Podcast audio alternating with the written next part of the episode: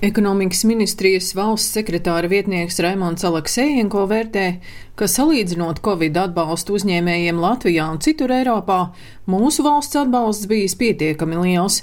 No 2020. gada 1. decembra līdz šī gada 20. jūnijam vid dīkstāvs pabalstos un algu subsīdijās izmaksāja 149 miljonus eiro, bet uzņēmumiem apgrozāmiem līdzekļiem 396 miljonus eiro, atlikti arī nodokļu maksājumi.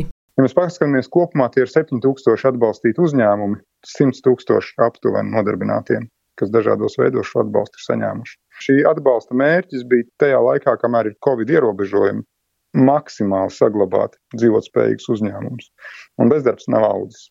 Vienlaicīgi mums ir arī fantastiski rezultāti eksportējošās nozarēs, un attiecīgi kopējais šis ienākums no eksporta un atbalsta summas un iekšējā patēriņa veicināšanas pasākumi noved arī pie tā, ka mums ir relatīvi mazs iekšzemes koprodukta kritums. Latvijas darba devēja konfederācijas ģenerāldirektore Līga Mendelsona vērtē, ka Covid pirmajā vilnī atbalstu saņēma 53 tūkstoši darbinieku, otrajā 76 tūkstoši, un pozitīvi, ka tika ieviestas arī algu subsīdijas.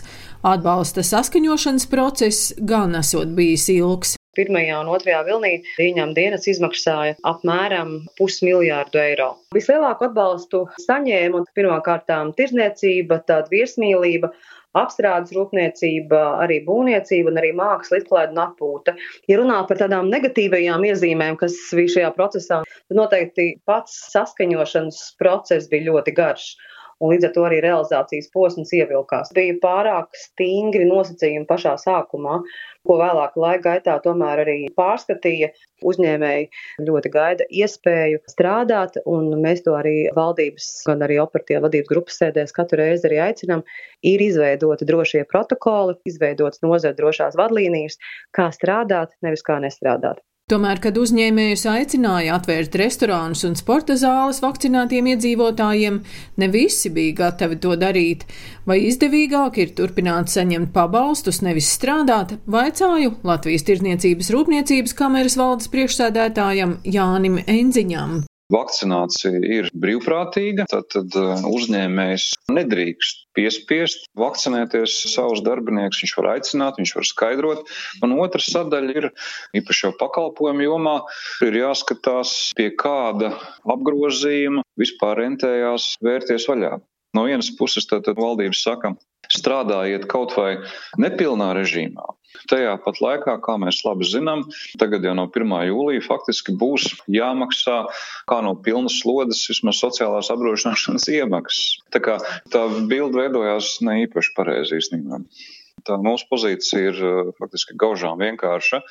Ja konkrētajā jomā ir um, dažādi ierobežojumi, kas neļauj strādāt, tad ir tikai dabiski un pareizi, ka ir arī kādi atbalsta rīki. Un, ja valsts ar savu regulējumu neliedz strādāt, tad kaut, kaut ko balstīt droši vien, ka nav nekāda pamata. LDDK ģenerāldirektore Līga Mendelsona vērtē, ka atbalsta pasākumus uzņēmējiem jāsamazina pakāpeniski un akcentē, ka darba devējus uztrauc nodokļu sistēmas izmaiņas. Viena ir alternatīvie režīmi. Tur ir zināms satraukums par to, kā tas būs un kā tas ietekmēs. Un minimālā sociāla iemaksu ieviešanas veids un laiks.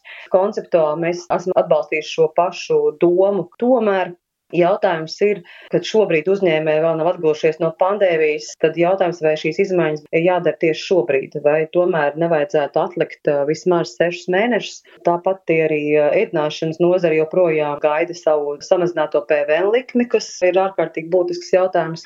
Trešais - daudzās ražojošās nozarēs iezīmējas darba roku trūkums. Ekonomikas ministrijas valsts sekretāra vietnieks Raimons Aleksējienko stāsta, ka jūnijā uzņēmumi vēl turpina saņemt atbalstu, bet jau samazinātā apjomā, un ekonomikas ministrija strādās, lai atceltu visus šobrīd esošos ierobežojumus. Ir jāsaprot, ka valsts naudas maku izveido iedzīvotāji. Iedzīvotāji nebūs gatavi gadiem uzturēt atsevišķas nozares, tur būs jāmainās. Un tur nekā nevar izdarīt. Ilgtermiņā šis noteikti atbalsts nav un nebūs un jāmeklē darbinieki un jādomā, kā dzīvot vasarā. Raimons Aleksēnko stāsta, ka līdz 30. jūnijam turpināsies diskusijas par atbalstu uzņēmumiem un to darbiniekiem.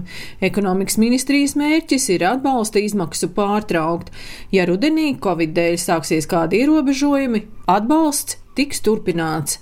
Daina Zalamane, Latvijas radio.